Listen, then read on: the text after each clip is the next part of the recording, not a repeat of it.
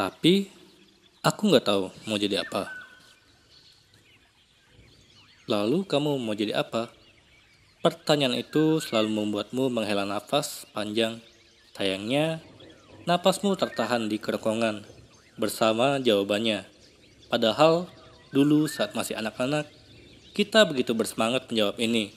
Buru-buru mengangkat tangan dalam kelas, saling berebut jawab, meneriakan berbagai macam profesi kepada bu guru. Lalu saat remaja, kita akan duduk di pinggiran danau dekat sekolah bersama kawan-kawan terbaik sampai senja memerah. Berbicara tentang mimpi dan masa depan sambil menatap langit.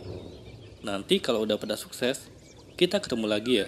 Jangan saling melupakan kalau udah sukses. Sekarang kita sudah dewasa dan mimpi-mimpi yang kita ceritakan dulu tak semudah itu menggapainya. Ternyata kita tak pernah benar-benar ingin jadi dokter. Ternyata menjadi astronot hanya keinginan yang memudar seiring waktu. Ternyata kita tak punya modal dan mental untuk menjadi seorang pengusaha. Ternyata teman-teman yang kita harapkan berjuang bersama kita telah menemukan mimpi dan teman baru. Kita hanyalah sekumpulan tulang belulang yang terjebak dalam cerita yang tak kita inginkan. Sekolah yang menyembuhkan, seakan setiap mata pelajaran tak pernah ada arti mendalam bagi kehidupan di masa depan. Jurusan kuliah yang tak sesuai keinginan hati, pengangguran yang tak tahu mau jadi apa, lalu saat sudah menemukan pekerjaan, kita terjebak dalam rutinitas kerja yang teramat melelahkan melelahkan fisik dan mental. Kita ingin terlepas dari ini semua. Kita ingin bebas. Kita ingin berada dalam cerita yang kita inginkan. Kita ingin tenggelam dalam mimpi-mimpi yang kita rajut dulu. Namun, saat kita melangkah ke depan, menatap kedua mata kita di depan cermin, lalu bertanya, "Kamu mau jadi apa?" Kita hanya bisa menghela napas panjang. Lalu, napas itu akan tertahan di kerongkongan bersama jawaban-jawaban kita, bersama mimpi-mimpi masa lalu, bersama segalanya, kecuali satu, kegelisahan. Karena kita tak tahu mau jadi apa. Kita tak mengenal passion dan mimpi, masa depan begitu buram, dan waktu terus berjalan. Namun, tenang sejenak Tarik napasmu, hembuskan perlahan, perhatikanlah sekitarmu. Bukankah semua orang bermula dari tak tahu mau jadi apa? Bill Gates tidak lahir di dunia ini lalu tiba-tiba menyadari, nanti kalau sudah dewasa, aku akan mendirikan perusahaan bernama Microsoft. Seperti orang-orang lain, dia memulai kisahnya tanpa tahu apa-apa. Di tahun 1968, saat usia masih 13 tahun, di sekolahnya ada sebuah terminal komputer baru yang lambat dan besar, bahkan tanpa layar. Di tahun yang sama, dia mencoba belajar bahasa pemrograman tingkat tinggi tanpa peduli dia akan jadi apa. Lalu dia mencoba menulis barisan kode untuk program pertamanya, sebuah permainan silang bulat silang. Tanpa tahu dia akan jadi apa. Namun sejak saat itu, dia tak bisa berhenti, menjadikan hobi ini seperti petualangan, menghabiskan berjam-jam di depan komputer, menyelinap malam-malam di University of Washington demi menggunakan komputer. Dia tak sekedar bermimpi, mungkin dia bahkan lupa bermimpi. Yang dia lakukan hanyalah melakukan apa yang dia lakukan, benar-benar menekuninya, dan jadilah dia seperti hari ini salah satu penemu Microsoft. Steve Jobs tidak bangun dari tidurnya, lalu berkata, "Aku akan jadi penemu Apple."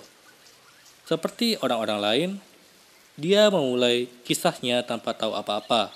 Buruknya lagi, dia tersesat dalam jurusan kuliah yang dia bahkan tak tahu apakah ada arti untuknya. Tak tahu mau jadi apa. Tak tahu apakah kuliah ini bisa membantunya. Mereka tak enak hati menghabiskan uang orang tuanya untuk kuliah ini. Jadi dia memutuskan untuk keluar, tanpa tahu akan jadi apa. Namun bukan berarti dia berhenti belajar. Dia tetap belajar, mempelajari hal-hal yang bisa dia pelajari, mengambil kelas-kelas yang bisa diambilnya. Suatu ketika, dia mengambil kelas kaligrafi di Rich College. Alasannya, karena setiap kali dia melihat poster-poster di kampus tersebut, dia terpukau pada keindahan kaligrafinya. Jadi, di sanalah dia di dalam kelas kaligrafi belajar tentang jenis huruf serif dan sans serif, menentukan celah yang tepat untuk setiap huruf, dan hal-hal teknikal seputar tipografi. Dia menekuninya tanpa tahu akan jadi apa. Memang ini seperti tak ada hubungannya dengan Apple. Namun, 10 tahun kemudian, saat Steve Jobs dan rekannya hendak mendesain Macintosh pertama, seluruh pelajaran yang dia dapatkan 10 tahun lalu di kelas tipografi ini menginspirasinya untuk membuat komputer dengan tipografi paling indah. Dan jadilah Macintosh sebagai komputer pertama dengan tipografi paling indah. Bahkan, jejak-jejak itu masih bisa kita rasakan pada awal peluncuran iPhone. Dia tak tahu mau jadi apa, tetapi dia mencoba ini itu, mempelajari ini itu, mungkin dia bakal lupa bermimpi.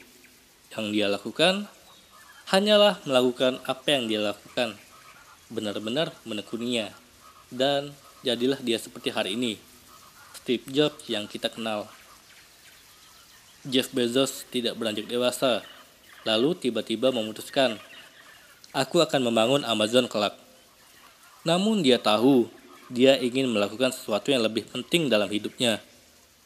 Namun, seperti kita semua, dia sama sekali tak punya ide. Maka yang bisa dia lakukan adalah memanfaatkan apa yang dia miliki hari itu. Belajar sungguh-sungguh di sekolahnya, mengambil kelas-kelas tambahan yang melelahkan, melanjutkan kuliah sebaik-baiknya, bekerja di tempat yang baik untuk mengumpulkan ilmu dan uang. Lalu di usia 30, dia memutuskan keluar dari pekerjaannya, mengejar mimpinya untuk membangun sebuah platform belanja online. Namun saat itu masih 1994 dan internet bukan sesuatu yang lumrah, apalagi belanja online.